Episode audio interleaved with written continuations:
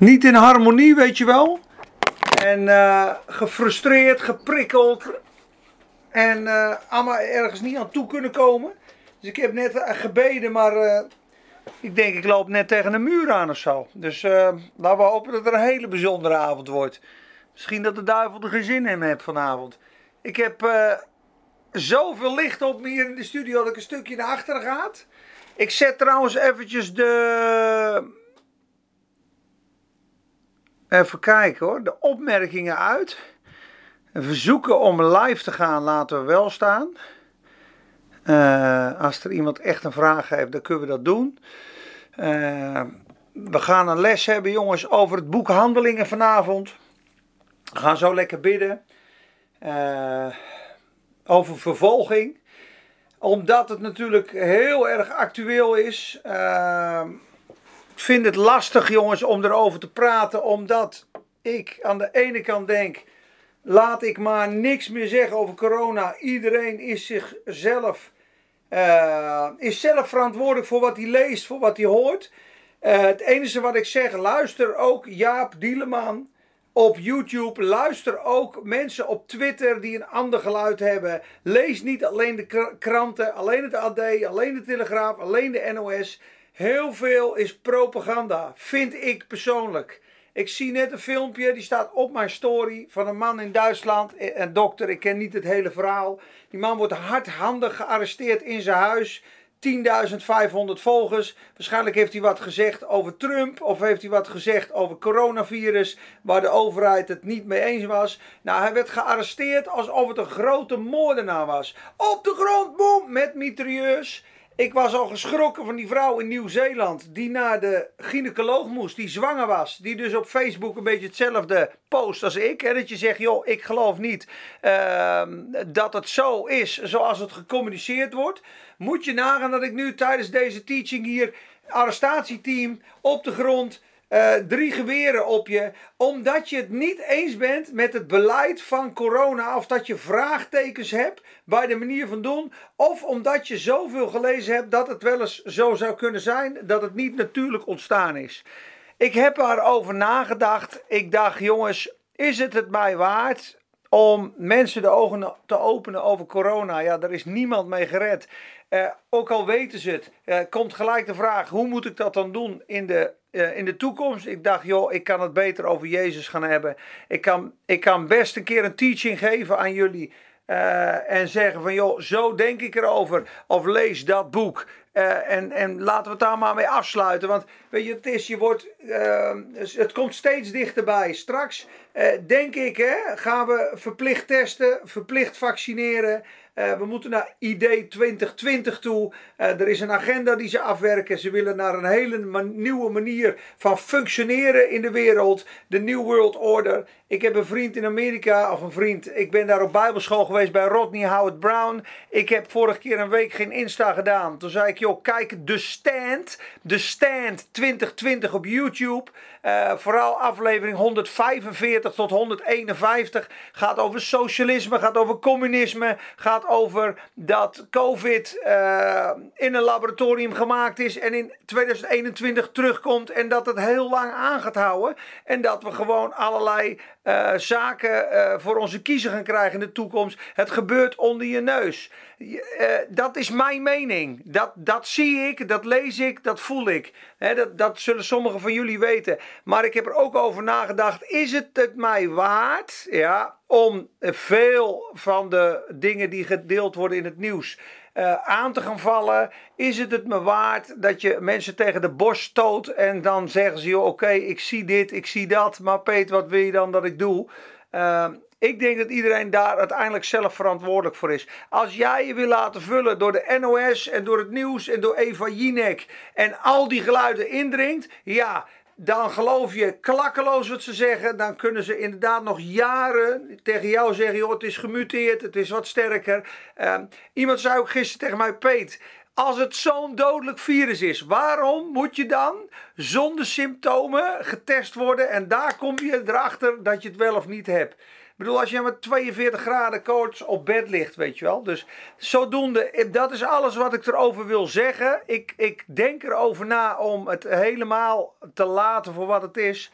Adios, lekker die posten. Ik word er namelijk ook boos van. En ik weet namelijk dat het toe gaat nemen. Dat er nog veel meer dat soort razzia's komen. Dat mensen gearresteerd gaan worden. Dat er hele moeilijke situaties in de toekomst zijn. Vandaar dat we deze les ook over vervolging gedaan hebben. Vervolging in de Bijbel. En ik zat vandaag nog te denken, joh. Als er een Mexicaans drugskartel in Spakenburg zat. Dan zou ik wel twee keer nadenken of ik iets zou zeggen wat niet slim zou zijn. Uh, maar als zij tegen mij zouden zeggen met vijf mitrailleurs op mijn hoofd. Als jij nog één keer praat in de naam van Jezus, schieten we je dood en je hele gezin. Dan had ik er maling aan. En dan hoop ik dat ik net zo trouw ben als Paulus en Petrus in de Bijbel. Want daar zeggen ze duidelijk tegen in handelingen. Wij verbieden jou. En ze dreigden hen streng, strengelijk, is een oud woord. Ze, bedreigden hun uh, op een zware, heftige wijze om niet meer in de naam van Jezus te spreken. En daar hadden ze maling aan. Zij hielden niet op dag en nacht te leren Jezus bij de huizen. Dus ik dacht, joh, ik kan beter Jezus uh, preken op de dag dat, dat ze tegen mij zeggen: Peter, je mag niet meer over Jezus praten. Uh, of de samenkomst moet weg. Ehm, ja, dan is het vervolging. Ja, dan breek je niet een wet uh, van mensen, maar een wet van God. En die staat hoger. Maar misschien is het. Uh, ja, soms wijs om eerlijk te zijn en manipulatie aan het licht te brengen, wat ik vind. Ik vind gewoon er kloppen heel veel zaken niet, maar dat is, dat, dat is mijn mening. Maar dat is niet evangelie. Uh, dus ik, ik zat net in de auto nog te denken. Ik denk, heer, het is me eigenlijk niet waard ook. Moet je nagaan dat je wat dingen zegt over corona. Dat ze je op, in je huizen op halen. Je bent geen martelaar. De hemel zit niet te klappen. Uh, je hebt misschien wel uh, een revolutionair mindset. En je bent een strijder. En je noemt dingen bij hun naam. Maar uiteindelijk uh, denk ik dat het beter is om Jezus te preken. Moet ik wel zeggen dat Rodney en Jaap Dieleman niet bang zijn om die dingen aan te spreken. En bijvoorbeeld John MacArthur in Amerika uh, van Grace Community Church in California. Ja, die is er ook niet mee eens. He, die is al een paar keer op het nieuws geweest. Of CBC, NBC of NBC, dat weet ik niet. En die zegt gewoon, joh, luister. Uh, het, uh, het overlevingsrate is 99,8 uh, of 75 procent. Uh, van waar de ophef. Er zijn genoeg dokters die zeggen het is een hoax. Toen zei ze, nou meneer, u mag niet meer samenkomen. Sterker nog, als u weer samenkomt bij de kerk, moet u zes maanden de gevangenis in. Hij heeft daarvan gezegd, joh, ik hou van Jezus en ik vind Paulus ook een mooi vent. Ik lees in de Bijbel dat hij uh, de gevangenis ingaat. Zeg maar waar maar ik heen moet. Ik vond het wel lef hoor. Ik denk, wat een vent. Hij staat ervoor, 60 jaar. Klap mij maar in de gevangenis. Want de Bijbel zegt dat we onze samenkomsten niet moeten verzaken. Je moet nagaan in China, de ondergrondse kerk. Als ik met een Bijbel in Afghanistan of Somalië of Noord-Korea loop, ben ik dood. De dingen die ik op Instagram gezegd heb over het coronabeleid, hadden mij in andere landen de kop al gekost. Nou, dat is het me dan net niet waard. Maar als het dan over Jezus gaat en ik moet mijn bek houden en met mijn kop gaat er dan af, dan is het me heel veel waard. En vanavond gaan we inloggen op de vervolging die de discipelen hadden, die Paulus hadden en hoe ze daarmee omgingen. En dat wat, wat de uitwerking is van vervolging. Want mensen, vervolging lijden om Jezus wil is een heerlijkheid, is een grote, machtige zegen. Vervolging brengt je altijd dichter naar God. Vervolging maakt je rijker in Christus. Vervolging is een kwelling voor de vijand. Maar wat een zegen als je voor koning Jezus blijft staan. Als ze dreigen, je bek houden. Niet meer praten over Jezus, je bek houden. We dreigen jullie. En zij baden en het gebouw ging schudden. Weet je nog? Ze, hun ruggen waren kapot geslagen. En ze gingen door. Dus laten we beginnen met gebed. Bid ook voor mij. Ik ben ook een mens. Uh, ik heb een sterk rechtvaardigheidsgevoel. Maar ik vind het verschrikkelijk om te zien en te horen de listigheid van het virus. Uh, er sterven mensen, maar die sterven ook aan griep. we hebben het elke dag erover. Bij Jinek dezelfde mensen aan tafel. We hebben in Denemarken zo'n spoedwet gehad. Ja, ik vind het heel lastig. Maar uiteindelijk denk ik, joh, uh, ga ik het corona-evangelie preken of ga ik het evangelie van Jezus spreken? Maar ik moet wel zeggen, mensen, als jij niks doet, je laat je meesleuren, ook ik. Ik kijk vier keer het NOS, ik kijk drie keer een persconferentie. Je wordt naïef, je wordt in slaap gesust, je slikt het als zoete koek. Terwijl als je Jaap Dieleman luistert, de Bijbel leest, bid en dan op Twitter wat mensen volgt die hele goede tegenpunten hebben. En ook wat dokters, dan krijg je een hele ander geluid. En dan voel je gewoon de boosheid en ehm, de, de onrechtvaardigheid. En dat je gemanipuleerd wordt. En velen met mij, vele mensen zien dit met mij. Dus wat denk ik dat er gaat gebeuren in de toekomst? Ik denk dat er gaat gebeuren dat wij onze vrijheid langzaam kwijt gaan raken. Dat er communisme komt. Uh, Jaap Dieleman zei van de week, die heb ik gebeld. Dan ga ik een bakje doen. Volgende week donderdag. Hij zei, Peet, we gaan allemaal naar een vast salaris. Uh, ik zei, joh, moet ik mijn Tesla verkopen dan of zo? Misschien heb ik nog wat achter de hand. Hij zei, joh, dat heeft allemaal geen zin. Ze kunnen je rekening bevriezen. We gaan op dit moment door een hele aparte tijd. je hebt die Klaus uh, Schwarz of Schwals uh, gezien met dat aparte pak aan. Die man uh, gelooft in biomensen met een chip. En dat we straks gewoon half, half hybride mensen zijn. Dus dat we eeuwig leven hebben buiten Jezus om. Mijn moeder waarschuwde me er vroeger al voor. Van Peter, de mens zal net zo worden als God. Ze willen straks net worden als God. Zo ver zullen ze gevorderd zijn. Totdat God moet ingrijpen. Dus die dingen denk ik dat er aankomen. Zijn komst is aanstaande. Jezus komt de bruid halen. Uh, wordt gereed. Wordt waakzaam. Ik had vandaag een gedachte, joh, je zal maar 17 jaar zijn. Midden in de wereld zitten. Lachgas gebruiken, drugs gebruiken, drank, vrouwen, meisjes, porno. Sommige jongens hebben gewoon een porno-site boven aan hun Instagram staan. Als een soort reclamebord. Je bent schuldig voor God. Je gaat verloren. Sorry dat ik het zo hard moet zeggen. Iedereen die in de zonde vastzit, die zich niet bekeerd heeft, op het moment dat het oordeel daar is, ga je reddeloos, hopeloos verloren. Daarom was de boodschap van Paulus en die mannen: bekeer u tot God, geloof in de Heer Jezus en je zult de vergeving van zonde ontvangen. Je zult de Heilige Geest krijgen. Laat je dopen, laat je behouden uit het verkeerde geslacht en u zult van de dood naar het leven gaan. U zult niet meer sterven. U gaat van één koninkrijk naar een ander koninkrijk. Naar een eeuwig koninkrijk. En dat is gerechtigheid, vrede en vreugde in de Heilige Geest. Dit is het koninkrijk van God. Romeinen 14, 17. Het koninkrijk van God is niet eten en drinken, maar rechtvaardigheid, vrede en vreugde in de Heilige Geest. Ik roep je op. Het is geen grapje. De, eh, eh, sterker nog, ik ga het straks lezen met Petrus. Petrus was niet klaar voor vervolging. Hij verloochende Jezus. En ik ga je straks zeggen wat de grote sleutel is om dwars door vervolging heen te gaan. Want iemand die bang is om te sterven, die geen eeuwig leven heeft, die ver, verraadt zijn eigen moeder nog.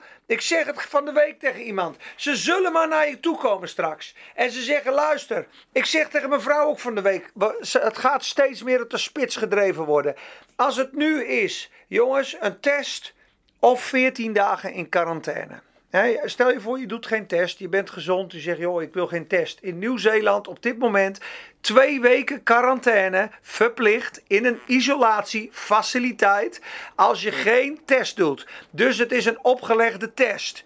Stel je voor dat we het een stapje verder trekken. Het wordt een verplicht vaccin. Net als in Denemarken. Ik heb het gedeeld. Negen dagen hebben ze met lepels op pannen geslagen. Negen dagen achter elkaar om die wet van tafel te krijgen.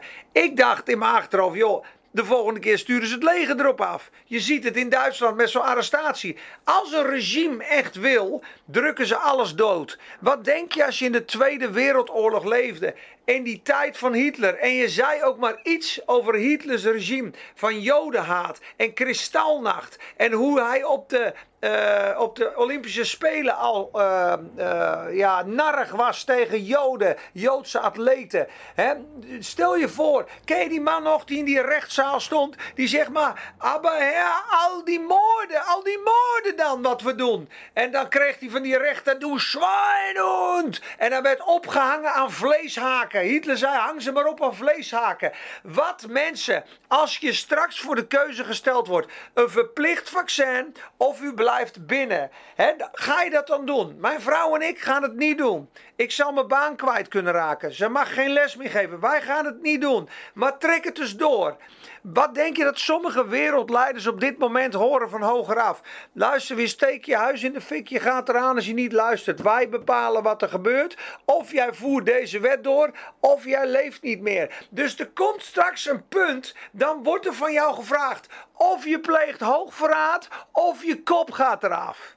En als jij dan niet het eeuwige leven in Christus hebt en weet dat je veilig gedragen bent in Gods armen, dat jouw straf betaald is, dat jouw graf samen met Jezus leeg is, dat je opgewekt bent, dat je zegt, joh, hak mijn kop er lekker af. Ik buig niet. Ik ga mijn land niet verraaien. Ik ben geen NSB'er. Daarom staat er ook mensen in Matthäus 24 en in die hoofdstukken. Velen zullen geërgerd worden. En ze zullen elkaar overleveren aan de overheden. Zelfs broeders zullen broeders verraden. En eigen familieleden. De vijanden zitten in zijn eigen huis. Moet je nagaan dat je buurman zegt, joh, hij zo en zo. Of dat je broer zo ontzettend overtuigd is van de overheid en God niet kent en jou erbij lapt. Ja, die vervolging, mensen, geloof ik dat we mee gaan maken. Het verschil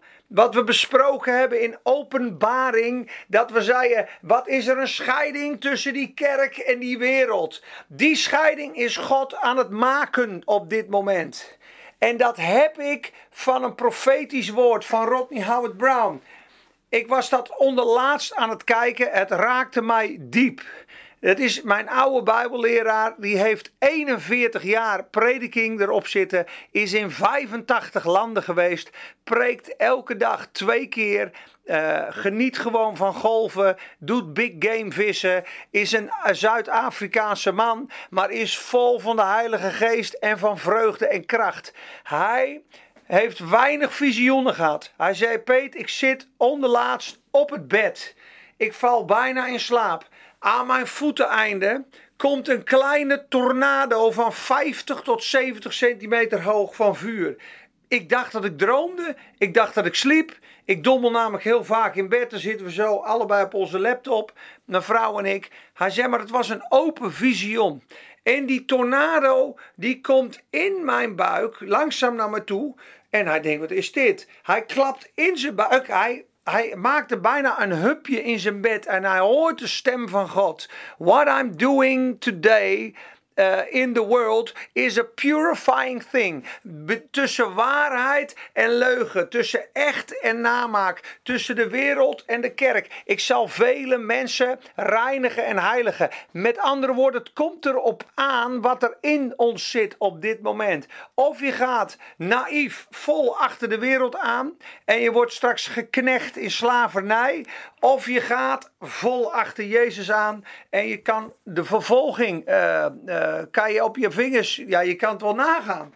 Dat als jij naar links wil en de machthebbers willen naar rechts, dat jij, uh, nou ja, dat je vervolging kent. En ehm, heel veel mensen hebben mij gevraagd, ik zelf ook aan God, van joh, hoe gaan we daarmee om? Hoe gaan we daarmee om? Gaan we alles verkopen? Gaan we een huis kopen in Spanje, worden we zelfvoorzienend of gaan we er dwars doorheen?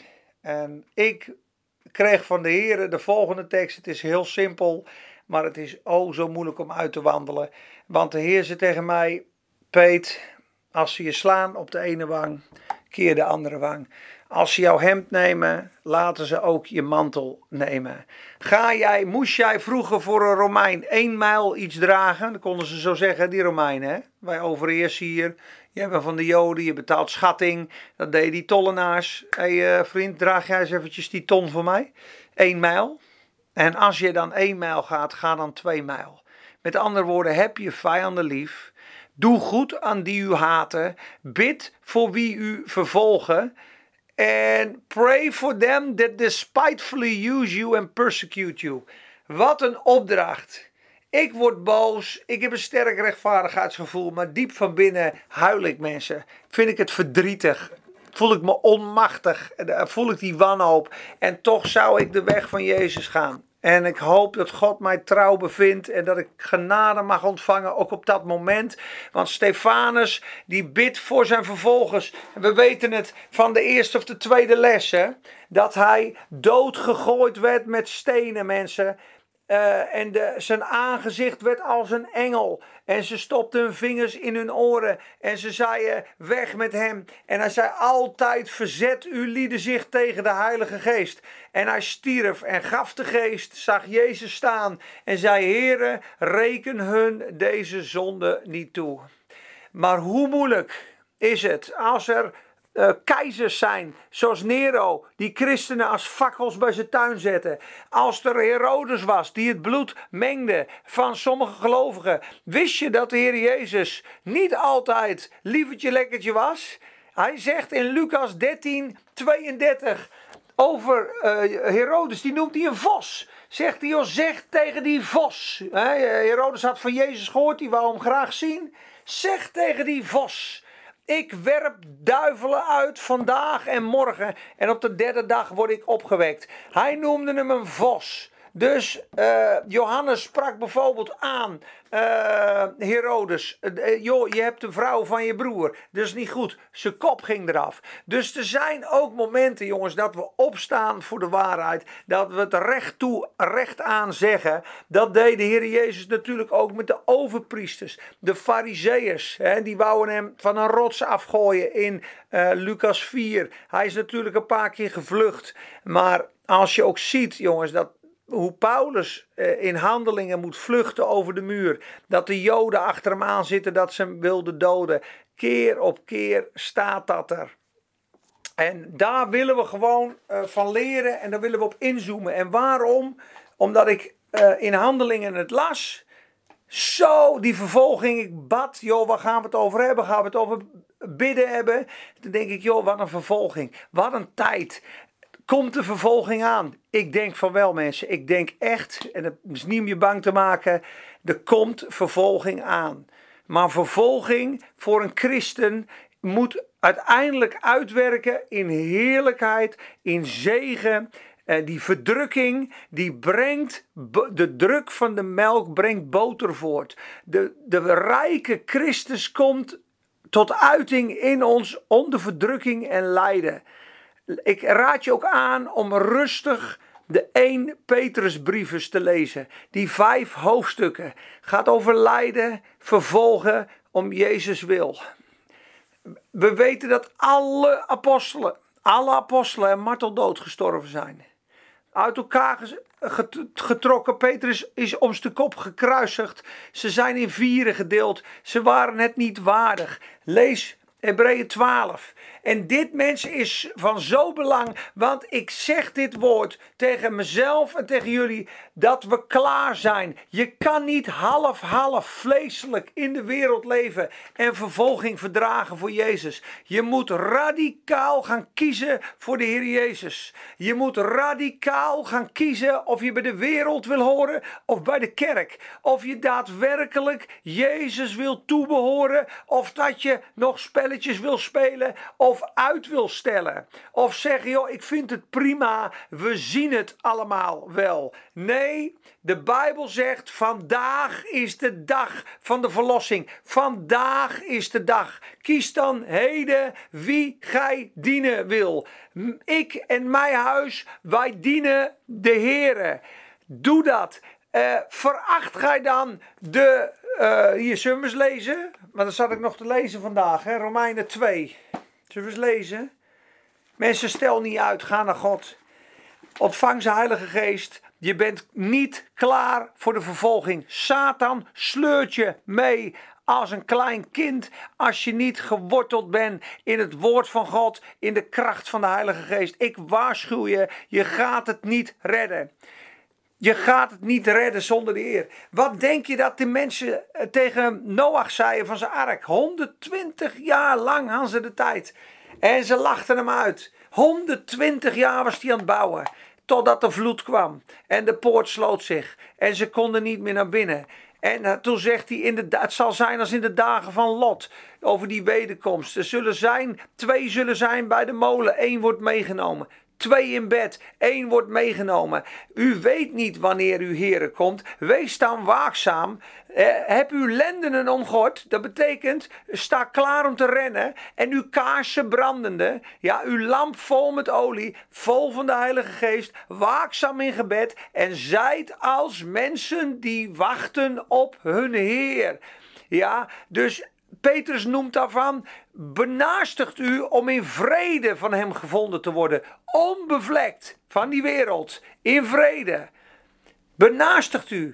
hij zegt, kleine kinderen, blijf in mij. Blijf in mij, blijf in mijn woorden. Blijf in mijn liefde, blijf in mijn geest. Opdat als ik straks geopenbaard ben, u niet tot schaamte gesteld wordt. Dus dat zijn dingen, mensen. Als je niet vandaag je huiswerk doet en kiest voor God, ga je meegerukt worden met de goddelozen. Dat zegt de Bijbel. En misschien zeg je wel, ik hou van God. Hé hey Ari, lieve schat, ben je ook aan boord? Ik hou van God. Ik heb hem lief. Maar ik heb ook nog mijn sporen en mijn eh, wortels in de wereld, dan gaat er een tijd komen dat die wortels doorgesneden moeten gaan worden en dat je de volledige planting in God moet gaan uh, ontwikkelen. Dat moet je doen, want anders kan je niet groeien, anders kom je niet, uh, ja, je bent niet rijp om het te dragen. En dat was exact zo met Petrus. Ik vergeet allemaal te bidden, ik ben hem aan het ratelen. We gaan even bidden. En we wouden nog Romeinen 2 lezen. Oh jongens. Ja. Vervolging om Jezus wil. Ik lees het even voor, Romeinen 2 vers 4.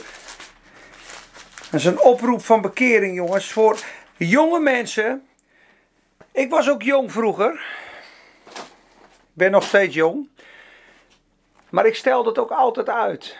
En mijn neef zei, joh, jij bent ook pas tot, je, op, tot geloof gekomen op je 30ste, 32ste, Peet. Ik ben nu 43. Ik ben in 2002 ben ik gedoopt. Dus 18 jaar geleden, op mijn 25ste.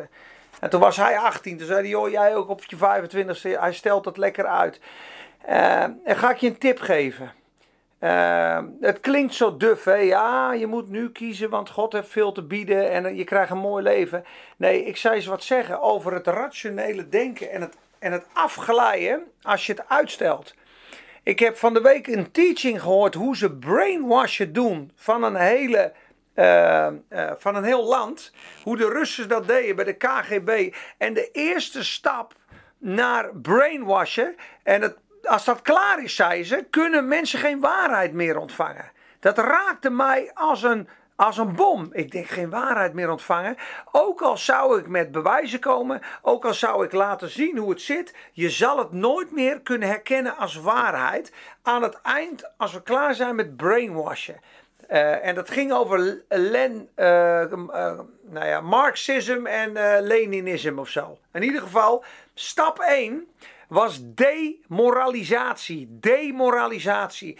Steeds meer normaal vinden van de zonde is de eerste stap. En hij zei dat doet 15 tot 20 jaar trekken ze daarvoor uit. Een hele generatie lang demoralisatie. Ik dacht gelijk aan Hollywood, weet je wel. Ik denk die films en een zonnetje en een dit en een vloekje. En je blijft kijken en iemand die 300 man neerschiet.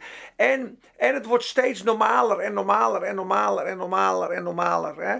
En ehm, eh, op een gegeven moment, uh, wat, wat 20 jaar geleden een taboe was, is geen taboe meer. Uh, abortus, als je daar tegen bent, dan krijg je de wind van voren, vandaag de dag. Uh, als je op andere gebieden uh, wat zegt, krijg je de wind van voren. De demoralisatie duurt 15 tot 20 jaar. Maar je raakt steeds verder bij God vandaan. Je gaat steeds meer rationeel denken. Dus zodra jij het evangelie naast je neerlegt en de boodschap afwijst, word je kouder en harder. En hoe langer je blijft in het natuurlijke, in het overheersende, in de prikkels, in de leugens die je krijgt, hoe verder je bij God vandaan raakt. En toen dacht ik, joh, moet je eens nagaan dat je het uitstelt. Op een gegeven moment is er zelfs een, een point of no return. Dat God je kan roepen, wat je die waarheid bijna niet meer kan omarmen. En stap 2 was destabilisatie. Stap 3 was uh, gewoon een grote crisis creëren. En daarna stap 4 was het normaliseren. Ik moest toen denken, joh, het nieuwe normaal. Eens kijken. Demoralisatie, destabilisatie, crisis creëren, mensen in paniek. En dan het land overnemen en dan helemaal normaal. Joh, dit is het nieuwe normaal. Welkom to Leninism en, Marxism. Nou, dat eventjes tezijde. Uh, maar mijn harteroep is naar de jongeren. Naar de jongeren die er overspoeld worden door hun telefoon en met prikkels en die het moeilijk vinden om te kiezen. Ik bid je zo toe dat je de Bijbel leest, dat je bidt en dat je voor je knieën, op je knieën gaat zitten voor je bed en dat je zegt: Heer, Wees mij zondag genadig. Wees mij genadig. Heer, red mij. Toon mij uw genade. Open mijn hart voor uw genade. Ik wil bij u horen. Ik weet dat u de koning bent. Ik geloof dat u op Golgotha gestorven bent en gekruisigd bent en geleden hebt. Ik wil niet uitstellen. Ik wil tot u komen, want ik weet dat uw koninkrijk een eeuwig koninkrijk is. En ik weet dat deze wereld voorbij gaat met zijn schoonheid daarvan. Deze wereld wordt straks geoordeeld. Ik bid dat je die keuze maakt. Als je moeite hebt met die keuze, stuur me een DM.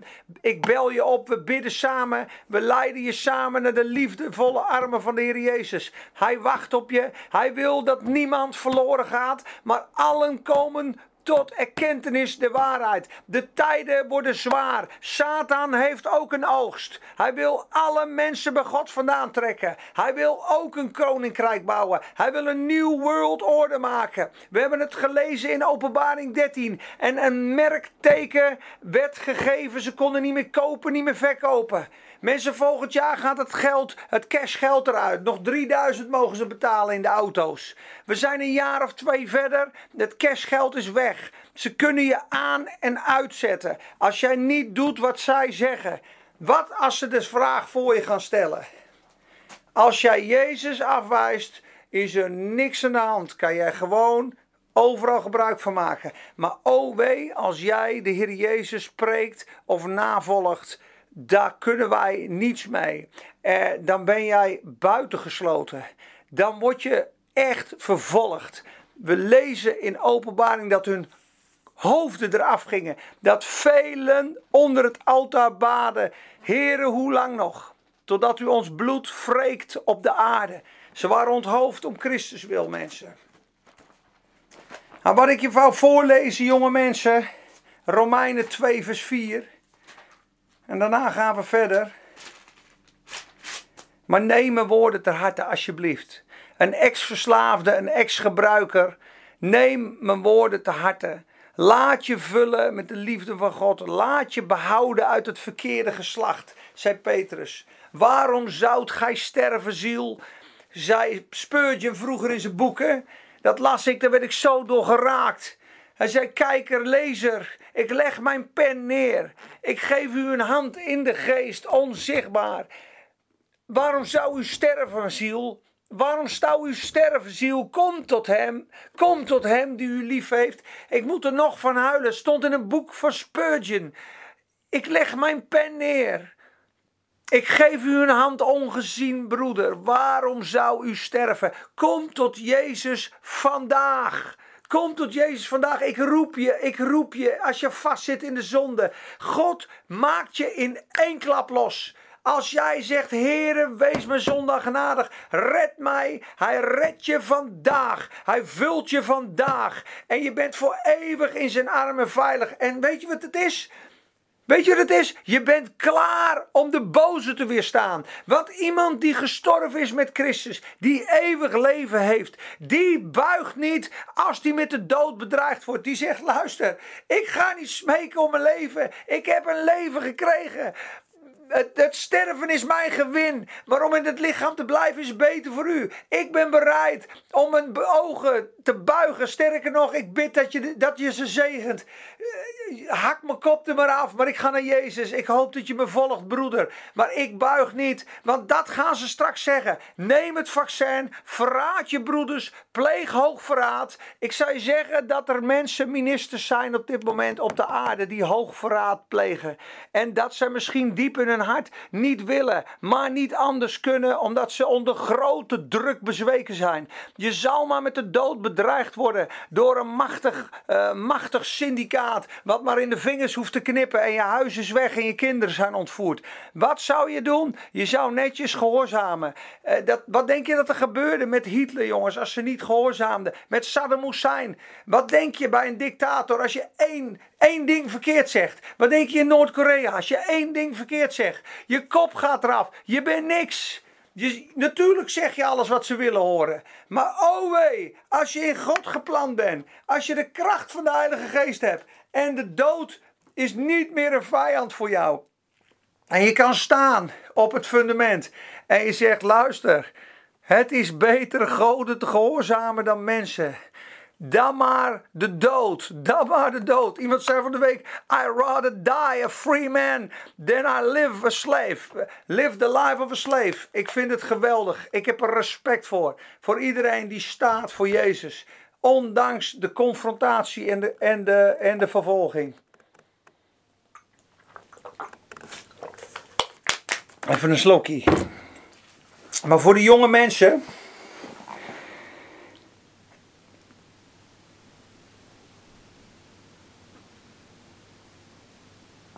Ja, Romeinen 2, vers 4. Stel niet uit, zegt Paulus hier, of veracht u soms de rijkdom van zijn goede tierenheid, zijn geduld en verdraagzaamheid. Weet u dan niet dat het Gods goede tierenheid is, Gods liefde, Gods barmhartigheid, die u tot bekering leidt? It is the goodness of God that leadeth thee to repentance. Weet u dan niet dat het de goedheid van God is die u tot bekering leidt? Heb, veracht dan niet de verdraagzaamheid en de goede tierheid en het geduld van God. En dan zegt hij, maar mensen die dit af, afwijzen, maar in overeenstemming met de hardheid en het onbekeerlijk, eh, onbekeerlijke van uw hart, hoopt u uzelf straf op tegen de dag van de toorn en de openbaring van het rechtvaardig oordeel van God die in ieder vergelden zal naar zijn werken. Namelijk hun die met volharding het goede doen en heerlijkheid, eer en onvergankelijkheid zoeken, het eeuwige leven. Hen echter die twistziek zijn, ongehoorzaam aan de waarheid, zal gramschap en toren vergolden worden. Hoe heftig klinkt het, het oordeel van God? Er staat gewoon dat de wereld geoordeeld wordt. En in ieder die de goedheid en de goede tierenheid van God afschuift, gaat naar zijn hardheid en onbekeerlijk hart, gaat hij een schat verzamelen. Zijn zonden stapelen op en op en op en op. En uiteindelijk komt hij recht voor God te staan. En al zijn leugens, al zijn zonden, al zijn kwaad, alle corruptie, alle haat, verkrachting, moord, diefstal, jaloezie en welke zonde er ook is, zullen als één grote bundel gepresenteerd worden. En daar komt het rechtvaardige oordeel van God op die mensheid. Dat is het oordeel. Jezus wil niet dat jij en ik verloren gaan of geoordeeld worden. Hij heeft dat oordeel gedragen. Hij is tot zonde geworden, gestraft voor al die daden, volledig verpulverd door de rechtvaardige toren van God. Hij riep het uit: Mijn God, mijn God, waarom heeft u mij verlaten? Hij had een kapotgeslagen rug en een doornenkroon. Hij kon niet meer om ons, jou en mij zalig te maken. Wijs dat niet af. Zeker niet in de tijd die gaat komen. En sterker nog, hij heeft zo'n zegen voor je. Want straks in dat eeuwige koninkrijk wat stand blijft houden, is een koninkrijk van liefde, licht en vreugde. En hij is jouw hartsverlangen. En alles waartoe jij geschapen en gemaakt bent, dat zul je worden in Christus. De ware jij en het geluk. Ik ben onderweg, ik ben niet volmaakt, maar ik ben niet meer wie ik was. En lieve jonge mensen, ook mensen van 30, 40, misschien ben je wetenschappelijk en zeg je: Peet, ik geloof niet in God, want er zijn mogoltjes. En uh, er zijn mensen in Amerika uh, die worden verkracht en God grijpt niet in. En God greep niet in in de Tweede Wereldoorlog. Ik sprak vanmiddag nog zo iemand. Maar lieve vriend, ik zeg hetzelfde als Spurgeon tegen je. Waarom zou je sterven? Lees de Bijbel. Leg de krant en de media even aan de kant. Ga in het boek Handelingen lezen. Ga de Evangelie lezen. Lees alsjeblieft het Nieuwe Testament.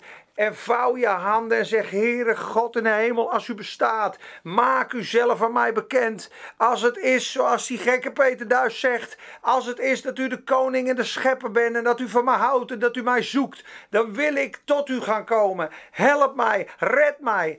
Ik zou je zeggen, God komt bij op bezoek. Kom je er niet uit? Bel me, stuur me een DM. Amen. Amen. Oké. Dit was de inleiding. Halleluja. Oh, hoeveel minuten hebben we nog? Oh, we hebben nog een half uur. Goed. Mensen, we gaan verder met handelingen. Dat moest ik even zeggen. We gaan verder met handelingen. We hebben gehad Stefanus. We hebben gehad Petrus. We hebben gehad Paulus. We hebben gehad het gebedsleven van het boek Handelingen. Dat ze biddend uh, en lovend en prijzend in een kerker zaten. Dat de gebouwen schudden. Volgende keer kunnen we het misschien hebben over de engelen. Weet je hoeveel engelen en visioenen er in handelingen staan? Weet je hoeveel wonderen en bovennatuurlijke dingen er in handelingen staan. Heb je die 28 hoofdstukken wel eens gelezen? Moet je een pen pakken bij elke bovennatuurlijke gebeurtenis in het boek Handelingen. Het is ongekend. Je hebt een lijst. Ik denk je drie A4'tjes nodig hebt. Wat een wonderkracht. God die zijn engel stuurt en ze uit de gevangenis haalt. Ik heb hier een lijst gemaakt. Wat de apostelen allemaal meemaakten. Wat Paulus en Stefanus meemaakten. En uh, de apostelen werden gegezeld. En werden in de gevangenis gezet. En ze werden door een engel uitgehaald. En ze verboden hun ernstig te spreken in de naam van Jezus. En de volgende dag stonden ze op het plein te preken Jezus. En ze werden gehaald. En op een gegeven moment worden ze weer gevangen gezet. Uh, we zien Stefanus die gestenigd wordt. We zien Paulus die gestenigd wordt. We zien Paulus die uh, uitgerekt wordt en geslagen wordt. We zien Paulus die moet vluchten door, een, uh, door de muur met een mand. Elke keer komen de Joden bij hem. En de Joden willen hem vermoorden. En uh, ja, ik had wat teksten opgeschreven, ook om te bemoedigen. Want als je alleen de ene kant hoort van het verhaal van vervolging, vervolging, vervolging, dan zul je misschien denken, joh, uh, wat een doemboodschap vertel je mij. Hou gewoon je mond. Ik was lekker in mijn leven met een glimlach naar mijn werk aan het gaan. Waarom praat je over vervolging? En waarom praat ik over vervolging? Omdat ik wil dat we niet bezwijken en dat je tot volle zegen en heerlijkheid komt. De Bijbel zegt dit mensen in 2 Timotheus 3 vers 12. Schrijf maar op. 2 Timotheus 3 vers 12. Daar staat en ook allen die godzalig willen leven in Christus Jezus. Dus die Jezus na willen volgen. Die een leven willen hebben in liefde, licht, reinheid. Die zullen vervolging kennen. En vervolging kan in elke vorm komen, mensen. Vervolging door de Satan en zijn aanvallen. Ik zou zeggen, je wordt er sterker van. Je komt er dichter van bij Jezus. En hij is jouw voedsel. Nummer 14, vers 9. De Satan is jouw voedsel. Je zal hem opeten. Ook David werd vervolgd. Weet je nog, de Saul. En wat, wat had de Heer een werk in zijn hart gedaan? De vergeving over Saul. Hij kon hem neersteken met zijn zwaard. Hij was in die, in die uh, rots was hij aan het, uh, nou ja, hij, had, hij moest een boodschap doen. Hij sneed het stuk af en hij hield het voor hem. Maar had zo vaak de kans om wraak te nemen op Saul. En dat had hij, ja, had hij misschien wel goede redenen voor. Hij deed het niet. Hij had hem lief. Totdat Saul aan de kant geplaatst werd. En toen was hij koning. Hij had, door zijn broeders werd hij eh, vervolgd. Jozef is vervolgd geworden, is in de put gegooid. Heeft 13 jaar uh, in de gevangenis gezeten. Of dat hele, die hele tijdperiode heeft 13 jaar geduurd. Dat hij bij Potifar was, werd hij onterecht behandeld. En hij was zo met God.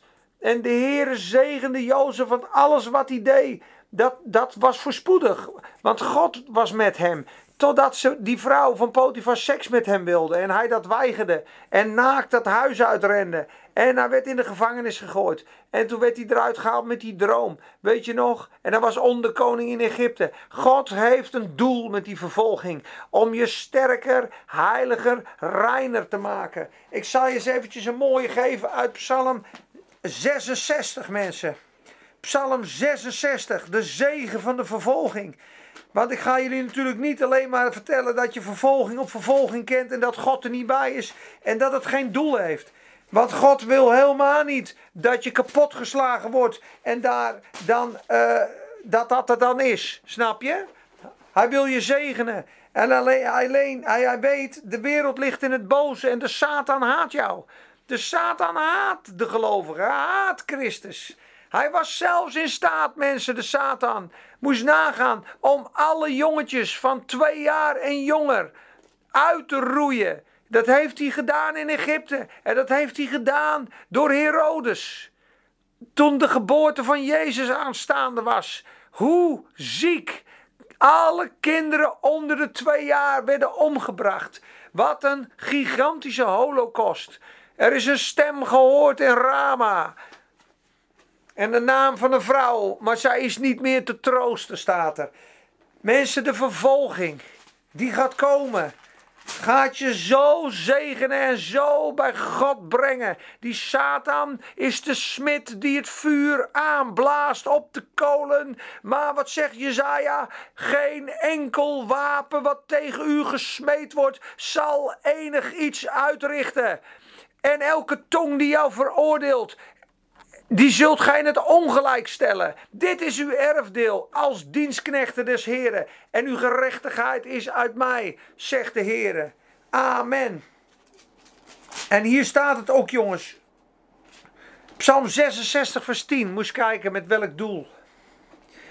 66, vers 10. Want u hebt ons beproefd, o God. U hebt ons gelouterd, zoals men zilver loutert. Die tijd gaat komen. Tijd gaat komen. We worden gekleineerd en gekort.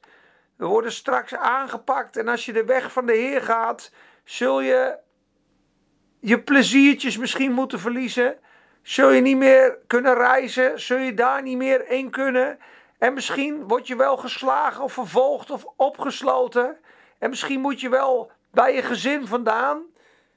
U hebt ons gelouterd zoals men zilver loutert. U had ons in het net gebracht. U had een knellende band om ons middel gelegd. En u had de sterveling over ons hoofd doen rijden. Wij waren in het vuur en in het water gekomen, staat er. Maar u hebt ons uitgeleid met naar de overvloed. Er staat in de Engelse Bijbel: But he led us out with rich fulfillment. Rich fulfillment. Weet je, als je 1 Petrus 4 vers 12 uh, eh, leest. Ik zal straks eventjes op de, onder het filmpje de teksten erbij zetten als ik hem post. Die heb ik namelijk hier staan. Ik kan ze niet allemaal voorlezen, maar ik heb hier een aantal teksten staan. Die kan je dan rustig nalezen. Die gaan allemaal over lijden en vervolging. Ik heb ze niet allemaal uit de Bijbel, want er zijn er nog meer. Maar dan ga je ogen open. En dan ga je ook, en dan moet ik leren, en dan moet jij leren, dan ga je ook die dingen anders ontmoeten. Want je snapt zelf wel dat als jij niet weet dat iets vervolging is, dan ga je vechten dan ga je strijden, dan ga je dreigen. Maar dat is niet de weg van God. En 1 Petrus 4, vers 12 zegt: Lijden als een christen staat erboven. 1 Petrus 4, 12. Lijden als een christen. Er staat: Geliefde, laat de hitte van de verdrukking onder u, die tot, tot uw beproeving dient, u niet bevreemden. Laat het niet vreemd zijn alsof iets vreemd u overkomt. Maar verblijd u naar de mate waarin u gemeenschap hebt aan het lijden van Christus, opdat u zich ook in de openbaring van zijn heerlijkheid mag verblijden en verheugen. Als u smaad aangedaan wordt om de naam van Christus, dan bent u zalig, want de geest van de heerlijkheid van God en de geest van God rust op u. Wat hen betreft, de mensen die jou vervolgen, wordt God wel gelasterd. Maar wat u betreft, wordt God verheerlijkt. 1 Petrus 4, vers 12. Laat de vuurgloed die dient als beproeving u niet bevreemden, alsof iets vreemds u overkomt. Het is goed wat ons, ons dan overkomt. Het is een verschrikkelijk iets. Hij wordt gelasterd. God wordt gelasterd door de anderen, want die vervolgen zijn kinderen. Maar als je deel hebt aan het lijden van Christus, zul je delen in de heerlijkheid van Christus. Als je lijdt om Christus wil, wees dan maar blij. Jump up, leap for joy, want groot is uw loon in de hemelen. Want zo hebben ze ook de profeten voor u vervolgd. Want de geest van God en de geest der genade rust op u. Er staan er nog meer. En uh, die kan ik allemaal op de site zetten. En ik wil afsluiten met het verhaal van Petrus. Ik wil afsluiten met het verhaal van Petrus. Want je kent het verhaal van Petrus, mensen, dat hij een, een, een discipel was. En je weet wel dat Jezus voor zijn kruisiging met de discipelen zat. En dat hij zei: Geen zins, heren. Al zullen allen u verlaten, ik niet. Ik, al moet ik sterven. Hij wist het niet dat hij niet kon, maar hij was ervan overtuigd. De Heer Jezus zei: Deze nacht wordt de zoon des mensen overgeleverd. En u zult allen geërgerd worden. En ik zal de herder slaan, maar de schapen zullen verstrooid worden. Gij zult mij allen verlaten. En Peter zei: Ik niet. Ik niet. En we kennen het verhaal. Jezus wordt gearresteerd. Peter staat er nog wel bij en stoer hakt het oor van Malchus af. Trekt zijn zwaard uit zijn schede en de Heer Jezus zegt: Petrus, kan ik geen twaalf engelen legioenen bidden, maar deze dingen moeten geschieden? Zij die door het zwaard leven, zullen door het zwaard sterven. De les moest hij leren, moet ik ook leren. En Malchus oor wordt door Jezus hersteld. Hij brengt hem weer terug. Daarna wordt Jezus weggevoerd. Petrus volgt van verre af.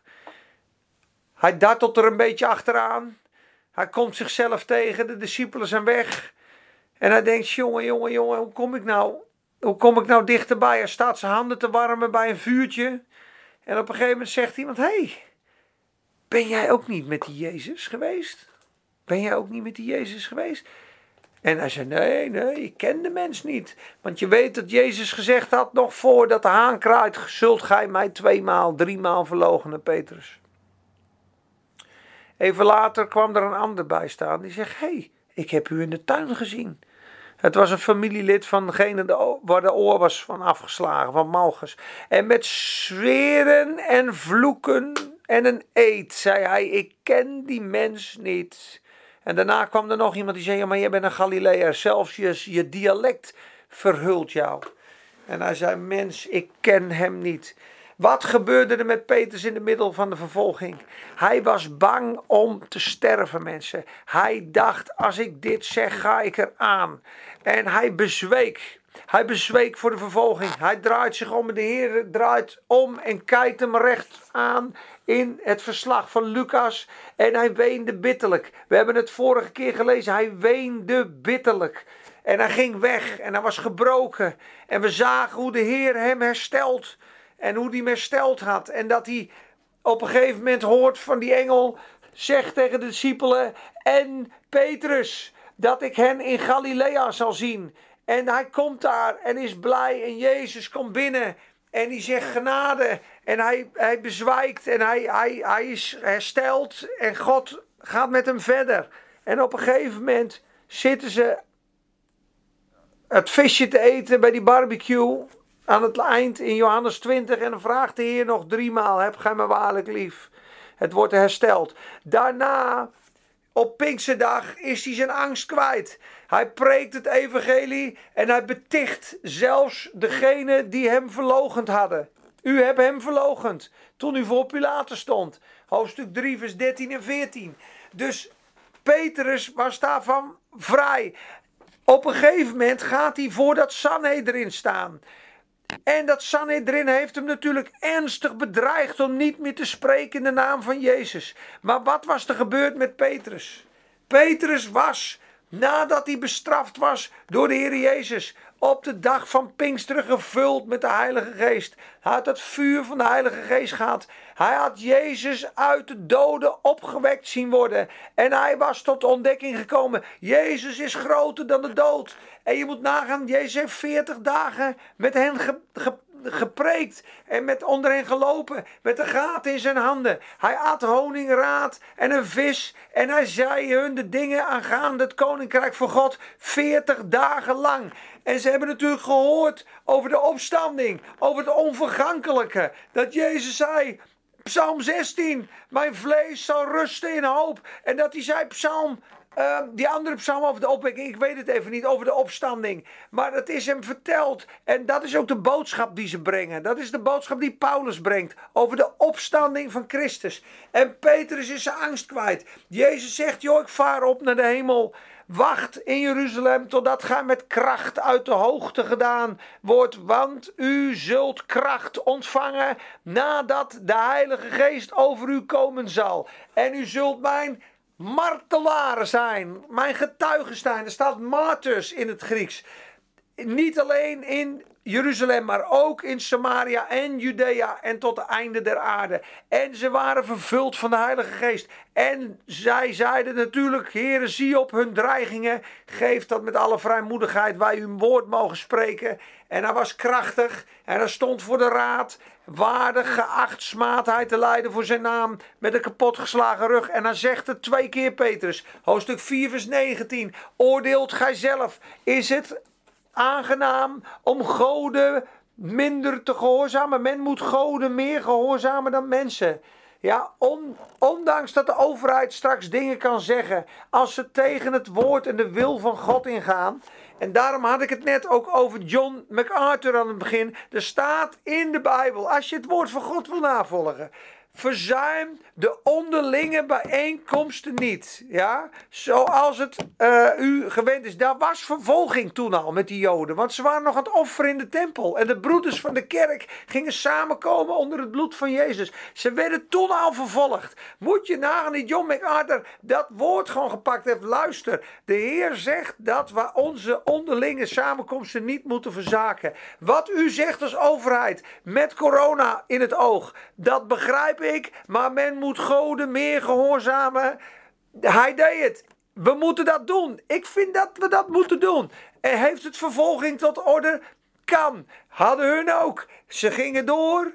En ze werden gepakt en in de gevangenis geworpen. Maar de engel van God haalde hen eruit. Dus hij ga en staat in de tempel en spreekt tot het volk al de woorden van dit leven. Daarna weer gegezeld. Petrus, je weet het, had vervolging van Herodes. Werd in de gevangenis gegooid. Sliep daar rustig tussen die uh, soldaten in. Zou onthoofd worden de volgende dag. Weer een engel toen de gemeente bad. Uit de gevangenis gehaald. 16 man, dienaren, 16 kerkerbewaarders doorheen gelopen. De deur van de gevangenis open. In de tweede en de derde straat ging die naar die groep biddende christenen. Ze herkenden niet dat hij het was. Hij was niet meer bang voor het Sanhedrin. Hij zei: Ik ga God gehoorzamen. Kan me niet schelen wat jullie dreigementen zijn.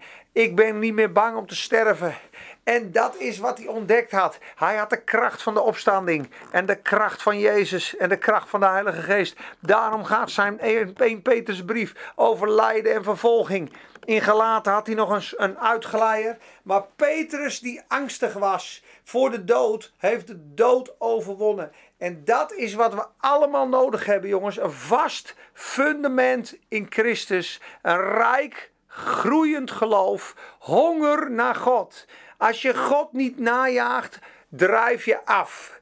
God moet nummer één zijn. De honger naar het woord. Het gebed. De samenkomen met andere gelovigen. Je moet vurig en warm blijven. Zet vurig van geest. Zijt als mensen die wachten op een Heer. Zijt uw lenden om God en die kaarsen brandende. Ik bid het je toe. Ik bid het mezelf ook toe, mensen. Vurig van geest. Bid onophoudelijk. Kijk geestvervulde prediking. Luister de studies. Zoek gelovigen op. Ga naar huisgemeentes. Breek het brood. Drink de wijn. Huil, lach, bid en vecht in de naam van Jezus. De tijden gaan veranderen. Maar zorg dat je klaar bent. Zorg dat je gereed bent. Zorg dat je kaars brandt en dat je lamp vol is. Dat je niet bezwijkt van de druk van de antichrist of van de duisternis of van de overheid. Op het moment dat ze je afvallig willen maken in het geloof. Wat denk je wat voor een prijs te betaald is, jongens, voor de vrijheid? En wat denk je dat er mensen gemarteld zijn voor Jezus' naam? We zegenen jullie. Ik bid dat dit woord diep zal landen in je hart en dat het krachtig zal zijn voor jullie allemaal. In de naam van Jezus. U zij geprezen, Heer. We zegenen iedereen. We bidden voor bekeringen. We bidden voor bevrijdingen. We bidden voor open deuren en open deuren en wonden die sluiten. Heer, we bidden voor uw gunst, Heer. Heer, we bidden voor doorbraak. We bidden voor wijsheid en inzicht. Voor een ieder die u kent. En we bidden ook, Heer, dat u mensen thuis gaat roepen. Heer, dat u zonde en jukken en duivels gaat breken van mensen af. In de naam van Jezus. We breken de macht van Satan af over de mensenlevens. Heer, we breken ze los uit de klauwen van de Satan. En die hun hart verduisterd hebt, dat het schijnsel van het evangelie niet op hen zou komen. Heer, schijn met uw licht in de harten. Overtuig van zonde, oordeel en gerechtigheid. Roep ze thuis, heren. Heer, doe hem wedergeboren worden. Laat uw kracht zien. Heer, we bidden aanvuring op gelovigen. Doop in de Heilige Geest. Vrijzetting van tongentaal. Vrijzetting van wonderen, tekenen en getuigenissen. Heer, we zegenen het gemeenteleven. We bidden voor een gebedsleger. Heer, dat we zullen dragen de tijden die zullen komen. Dat we onze vijanden lief hebben, de wang toekeren, zegenen en de waarheid verkondigen. Heer, red onze, red onze ziel van onze eigenaardigheden en zet ons op de rots met een loflied in ons hart. In Jezus' naam. Amen. Doei, bedankt voor het kijken.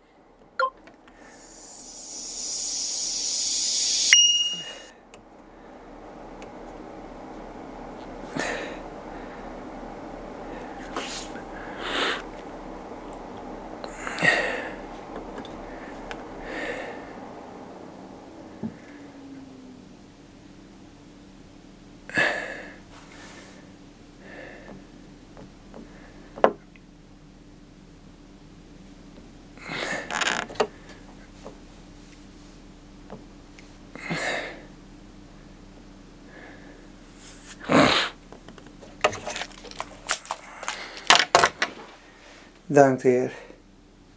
Dit voor een fijn gaan.